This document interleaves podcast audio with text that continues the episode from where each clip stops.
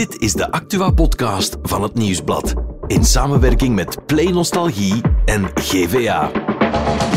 Het is dinsdag 14 november en Evelien, de BV-verleidster, of verleider liever, moet opnieuw naar de gevangenis. Here we go again. Vias heeft een plan om het verkeer veiliger te maken.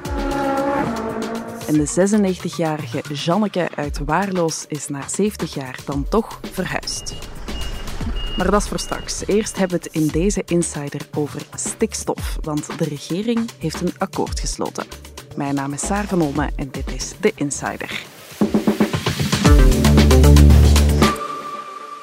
Bij ons in de studio zit wie anders? Chef politiek Hannes Hendricks. Dag Hannes. Hey, dag Saar. Goedemorgen. Hannes, je zit hier met kleine oogjes. Hoeveel heb je geslapen vannacht? Uh, ik dacht dat ik er nog redelijk fris uitzag, maar bon, eh, bedankt. je ziet er goed uit, je ziet er goed uit, maar uh, korte nacht gehad? Ja, ja, ik heb niet zo heel veel geslapen, uh, een uur of vier. Um, want rond twee uur was het zover, heeft de Vlaamse regering een, een stikstofakkoord gesloten. Dus ja. dan moesten er nog een aantal stukken gemaakt worden voor ja. de krant en voor, voor de site. Dat snap ik, ja. De regering komt dus na een lange nacht discussiëren opnieuw naar buiten met ja. een akkoord. Is het de derde keer een goede keer? Ik denk het wel. Ze hebben nu ook formele afspraken gemaakt dat de, uh, de afspraken in een decreet worden gegoten en dat mm. dat decreet gestemd moet worden in het parlement voor de kerstvakantie. Dus daar is waar het de vorige twee keer eigenlijk, ze hadden een politieke deal gesloten, maar er stond niet echt heel formeel iets op papier. Er was geen decreet opgemaakt. Dus dat hebben ze nu al afgesproken. Ze hebben geleerd uit hun, uit hun ja. fouten om dat wel te gaan doen. Dus waarschijnlijk is het nu wel hopelijk de laatste keer. Ja, dat het uh, voor hen ook genoeg is geweest. Waarom is het nu dan wel gelukt? Ja, je moet weten, de vorige twee keren uh, denk ik dat niet iedereen rond de tafel een strikte deal wou of direct wou dat het probleem heel direct werd opgelost van dag op dag. Oké, okay, en waarom um, is dat zo? Waarom wou niet iedereen zo'n deal? Ja, bijvoorbeeld bij de vorige keer, dus de tweede deal, is er afgesproken om een aantal eisen van de CD&V uh, in een onderzoek te steken. Mm -hmm. En dan weet je, uh, ja, dat gebeurt eigenlijk heel vaak in de Belgische politiek, als je zoiets in een onderzoek steekt, dat dat ooit nog terug op tafel komt ja. en dat de Vlaamse regering daar toch nog een knoop zal over moeten, moeten doorhakken. Dus we hadden mm -hmm. toen ook gezegd, ja, dit dossier komt sowieso nog terug op tafel je merkte dat de ministers, uh, dus de minister van Landbouw, Jo Broens, en milieuminister Zoal de Mier, eigenlijk lijnrecht tegenover elkaar bleven staan. Mm. Dus ze hadden wel een akkoord gemaakt, maar ja, ze hadden er eigenlijk bij te winnen, of althans in, in hun ogen, om die tegenstelling tussen elkaar, zijnde ik rij voor de boeren en Zoal de Mier, ik rij voor natuur en industrie, mm. om die nog een beetje uit te buiten. En ja. je merkt dat dat nu wel gaan liggen was. Okay. Omdat ja, je eigenlijk in een uh, situatie kwam in Vlaanderen waarbij zowel de industrie als landbouw eigenlijk bijna geen vergunning meer kon krijgen, uh, ja. net door die stikstofproblematiek. Mm -hmm. Ik kreeg dan ook hier in Antwerpen bijvoorbeeld uh, de Ineos, de chemiereus. Ja, ook heel veel over gezegd en ja, geschreven. inderdaad, die geen vergunning meer kreeg voor die ethaankraker. Mm -hmm. uh, ook landbouwers ja, zaten eigenlijk zonder perspectief. Dus dat straalde heel slecht af op die Vlaamse regering en op die individuele ministers. De tijd begon te dringen dus. Ja, inderdaad. Dus moesten ze wel een akkoord maken. Het zijn ook bijna verkiezingen, dus Jan Jan Bon was er ook mee gebaat dat die Vlaamse mm -hmm. regering nog een deal kon maken. Dus ja, nu een deal was beter dan geen deal. En ja, zo gaat het soms in politiek. Ja, nu, het valt wel op dat er nog maar net een ministerwissel gebeurde bij uh, Open VLD. Hoe groot is het aandeel van Gwendoline Rutte hier in deze onderhandeling? Ja, ze is inderdaad nog maar een weekje minister. Hè? Ja. Um, en ze had zich al heel sterk geprofileerd op dit dossier. Okay. Die abdijboerderij van Averbode, ja. zowat uh, het symbooldossier van het stikstofdebakkelen. Dat die, die stond op de rode lijst, die was met sluiten bedreigd. Die abdijboerderij die ligt in de achtertuin van Gwendoline Rutten. Ja. Dus ze heeft daar heel fors voor gestreden. Maar je moet wel weten dat lang voor uh, Gwendoline Rutten minister werd, er eigenlijk wel al een soort deal was tussen Broens en Demir. Okay. Broens is in de herfstvakantie ook bij die Mier thuis geweest. Ja. Waar ze echt ja, een aantal stappen hebben gezet richting zo'n deal. Mm -hmm. uh, dus het was wel al in de goede richting aan het evolueren. Maar Gwendoline Rutten heeft er nog een aantal punten aan die deal kunnen toevoegen. We hebben het daar net al over uh, Zoaldemir gehad. Er is de voorbije maanden heel veel commentaar gekomen op uh, minister van Omgeving, Zoaldemir. Is daar veel nu gered? Dat denk ik wel. Um, net omdat ja, ze is eigenlijk aan dit dossier begonnen met de optiek van, kijk, we moeten die natuurgebieden redden. Hè. Mhm. We gaan maatregelen moeten nemen die streng zijn, vooral voor de landbouw, om die natuur te gaan redden. Ze is daar een beetje op teruggefloten door haar eigen partij, omdat het gaandeweg ook een economisch dossier Mhm. werd. Zoals we het daar net over gehad. Hè? Ja, inderdaad. Over, over Ineos die geen Mhm. vergunning meer kon krijgen.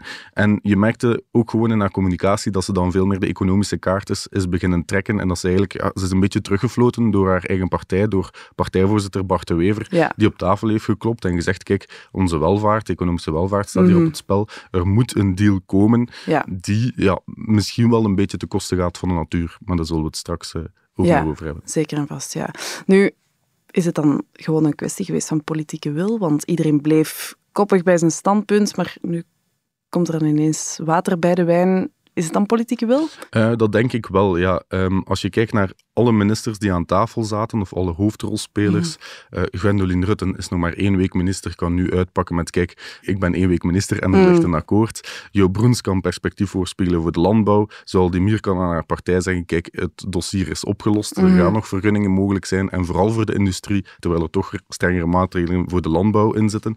En Jan Bon kan eigenlijk op een aantal maanden voor de verkiezingen zeggen: Kijk, mijn Vlaamse regering functioneert wel nog, eh, is wel nog in staat om grote knopen door te hakken en grote dossiers eh, af te kloppen. Ja, ja. Ehm, allemaal dus- mooie punten. Ja, inderdaad. Iedereen kan eh, nu naar buiten komen en zeggen: Kijk, ik, ik functioneer goed als minister, ik, Ja, wij functioneren goed als steken. Vlaamse regering. Ja. Nu, mag de regering dan ook effectief trots zijn op zichzelf? Want ze gaan dan pluimen op hun hoed steken, maar... Ja, ik denk dat het sowieso wel goed is dat er nu een akkoord is. Mhm. Maar als je natuurlijk kijkt naar de voorbije jaren, eh, is het heel jammer dat er eh, twee keer een akkoord is aangekondigd, eigenlijk met, eh, met veel bombarie, Ja. zonder dat dat dan effectief op papier geraakte Ja. en gestemd is geraakt. Het probleem had al veel eerder opgelost kunnen zijn Mhm. en heeft eigenlijk de rest van het parcours van de Vlaamse regering wel wat ondergesneeuwd. Het is eigenlijk Ja. de volledige legislatuur dat iedereen continu heeft moeten praten over stikstof. Mhm. Van ja, oké, het is goed dat je iets beslist hebt, maar er is nog altijd stikstof dat jullie niet opgelost krijgen. Ja, Dus het duurde goed- te lang. Ja, het is goed dat het nu opgelost is, is geraakt. Maar ja, als je even aan terugdenkt, er is gedreigd met wisselmeerderheden. Op een gegeven moment Mhm. moesten alle partijvoorzitters hier naar Antwerpen komen eh, voor crisisoverleg en stond Mhm. die regering Jan Bon echt op vallen. Dus ja, dat is niet gebeurd, maar ze heeft al op, eh, op eh, de rand van de afgrond gebalanceerd. Ja, Ze blijft wel op het eh, vasteland staan. ja. Beste mensen, als je terugkijkt op de voorbije 2,5 jaar, dan heeft het zeer, zeer veel energie gekost om dit resultaat te bereiken. Politiek is dit een zeer geladen dossier, maar stikstof is ook en vooral technisch een ingewikkelde problematiek. De voorbije jaren kwam het eh, stikstofdossier echt te pas en de onpas naar boven. Hè. We hebben het daar net al over gehad.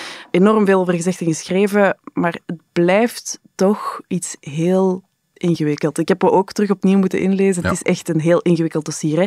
Leg nog eens uit, waarom is dat stikstofdossier nu eigenlijk zo'n belangrijk dossier? Ja, dus Europa heeft eigenlijk gezegd dat we een aantal natuurgebieden hier in Vlaanderen in goede staat van instandhouding moeten stellen. Eh, Mhm. tegen 2050 is dat. Hè. Dus dat we echt die natuur moeten gaan redden. En een van de elementen die daarbij spelen is dat er te veel stikstof neerdaalt in die natuurgebieden, waardoor eigenlijk de biodiversiteit daar een, een forse deuk krijgt. Eh, dat er ja, bijvoorbeeld, ja, er zijn heel wat reportages verschenen hè, van eh, boswachters die dan rondwandelen in een bos waar enkel nog varens staan, bijvoorbeeld. ja. Ehm, dus dat echt ja, specifieke plantensoorten, ook diersoorten, gewoon verdwijnen uit bepaalde natuurgebieden. En daarmee zijn we eigenlijk eh, vertrokken. We hebben die natuurgebieden aangeduid, aangemeld bij Europa. En ja, nu zitten we eigenlijk in de situatie dat we aan Europa moeten kunnen aantonen, kijk, we doen inspanningen om die natuurgebieden te gaan redden. Mhm. Maar daar komt natuurlijk de vraag, die landbouw... Hoe gaan we dat doen? Ja. de landbouwbedrijven, industriële projecten rond die natuurgebieden, hoe gaan we daar de stikstofuitstoot van terugdringen, zodat we die natuurgebieden eigenlijk kunnen vrijwaren? En dat is een super moeilijk evenwicht eh, gebleken. Ja, dat was dus inderdaad eh, die balans tussen economie en natuur. Nu, ehm, ja, we hebben het al de hele tijd over dat fameuze akkoord. Dat akkoord is er nu. Wat is daar nu concreet beslist? Ja, het is eigenlijk, ehm, eh, dus de strengste maatregelen zijn er eh, voor boerderijen, voor landbouwbedrijven. Ehm, dus eh, die worden heel wat strenger aangepakt dan industriële projecten. Nog steeds. Ja, inderdaad. Dat is een beetje, een beetje technisch, maar de industrie die stoot eigenlijk een ander soort stikstof of een ander soort stikstofverbinding uit dan uh, boerderijen. Bij boerderijen daalt die veel sneller neer op die natuurgebieden. Okay. De industrie heeft ook al meer inspanningen gedaan. Dus ze zijn nu wel overeengekomen dat de strengste inspanningen of strengste maatregelen eigenlijk wel bij de landbouw blijven liggen. En dat spitst zich dan eigenlijk gewoon toe op de vraag um, ja, welke projecten, dus welke boerderijen, welke industriële projecten, kunnen nog vergunning krijgen. Mm En uh, die drempel, eigenlijk om een vergunning te krijgen, is voor de uh, landbouw eigenlijk 40 keer strenger dan voor de industrie. Oké. Okay. Um, dus dat was al zo in de vorige akkoorden, dat is nu eigenlijk gewoon herbevestigd. Ja, nu, de eerste vraag die ik mij daar dan bij stel is, wat gaan de boeren daarvan vinden? Wel ja, we hebben de Boerenbond al gehoord hè, vanochtend en die zijn eigenlijk helemaal, helemaal niet tevreden. Nee. Uh, net omdat zij wouden eigenlijk een gelijke behandeling tussen uh, landbouw en industrie. Mm -hmm. Ze hebben wel een aantal punten verkregen hoor, want onder de vorige deals was het eigenlijk voor sommige boerderijen gewoon helemaal niet meer mogelijk om een vergunning aan te vragen. Mm -hmm. Dat hebben ze wel geschrapt. Dus elke okay. boer zal een vergunning kunnen aanvragen. De vraag is natuurlijk, het agentschap Natuur en Bos, die die vergunning moeten beoordelen, hoe streng die daar naar kijken. Mm -hmm. En daar knelt het schoentje toch wel wat, want ja, ze gaan gewoon strenger kijken naar boerderijen dan naar de industrie, wat een doorn in het oog van de Boerenbond is, uh, bijvoorbeeld. Ja. Maar bon, er zijn ook wel een aantal toegevingen aan de landbouw gedaan nog, bijvoorbeeld uh, dat boeren onderling stikstofrechten tussen elkaar kunnen uitwisselen. Dus heel concreet, als je naast een, uh, een boerderij hebt, naast een natuurgebied, en je buur wil er bijvoorbeeld mee stoppen, dat je dan uh, als, als boer zijnde zijn stikstofuitstootrechten als het ware kan gaan overkopen, zodat jij toch kan gaan uitbreiden. Okay. Dus dat is bijvoorbeeld wel een systeem dat nu is opgezet, ook op vraag van de Boerenbond mm -hmm. en Jo Broens, uh, dat mogelijk wordt gemaakt. Ja, maar over het algemeen boeren zijn dus nog niet helemaal tevreden. Nee, inderdaad. Ja. Gaan we dan terug boeren mogen verwachten die naar uh, Brussel trekken om er te gaan protesteren? Ja, ik denk dat de uh, uh, devil is in the details, Mm. zoals altijd bij politieke akkoorden. Um, dus de vraag van hoe streng dat agentschap Natuur en Bos naar die vergunningsaanvragen gaat kijken, dat dat cruciaal gaat zijn. Mm. We hebben daar nog niet heel veel van op papier gezien. We horen dat er richtlijnen worden meegegeven aan de administratie om die vergunningen te gaan bekijken. Mm. Maar ja, we zullen moeten kijken ja, hoe streng dat dat effectief gaat ja, zijn. Hè. Dat en, valt dus nog allemaal af ja, te wachten. inderdaad. En dus daarom denk ik dat de Boerenbond ook zo reageert. Van, ja, eigenlijk weten we nog niet alles uh, na de politieke communicatie over dit akkoord, wat hen okay. frustreert. Ja.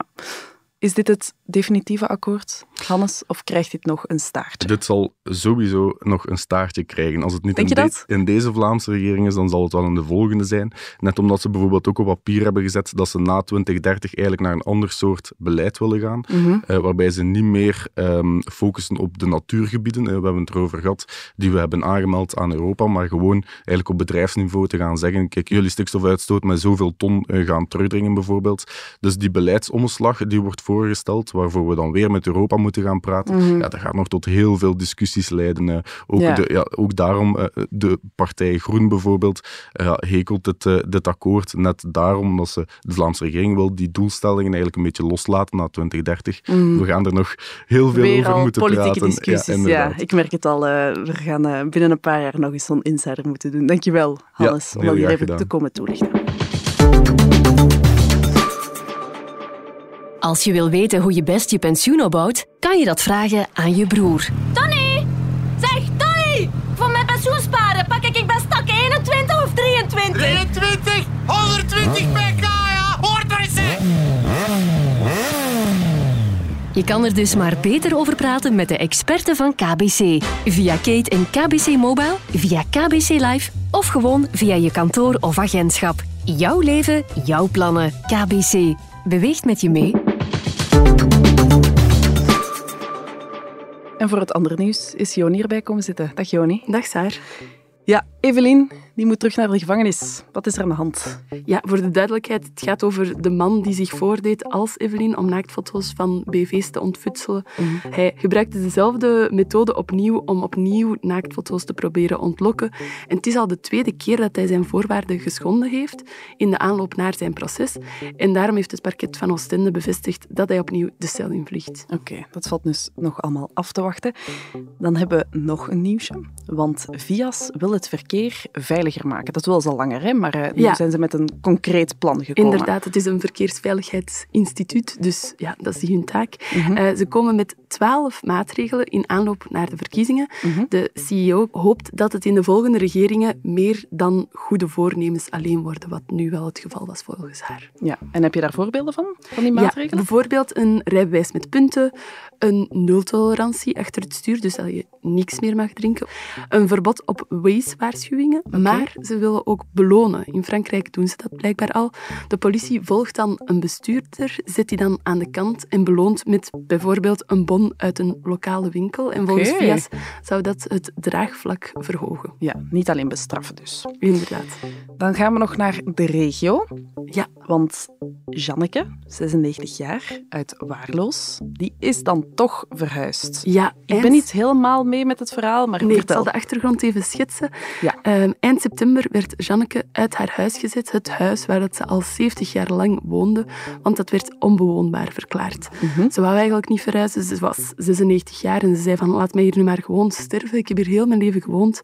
Mhm. Heel waarloos, leefde mee en de buren startten een petitie die meer dan 10.000 handtekeningen opleverde. Maar uiteindelijk heeft ze zich nu dan toch neergelegd bij de beslissing. Ze is een paar dagen geleden verhuisd eh, naar een assistentiewoning vlakbij haar vorige woning. Ze vond het een heel periode, zei ze, maar ze is heel verwarmd door alle steun uit de gemeente, Oh. uit haar buurt. Heel goed gedaan van Waarloos dus. Inderdaad. Dankjewel Joni om dat hier even te komen toelichten. Dan zijn we er morgen opnieuw met een nieuwe Insider.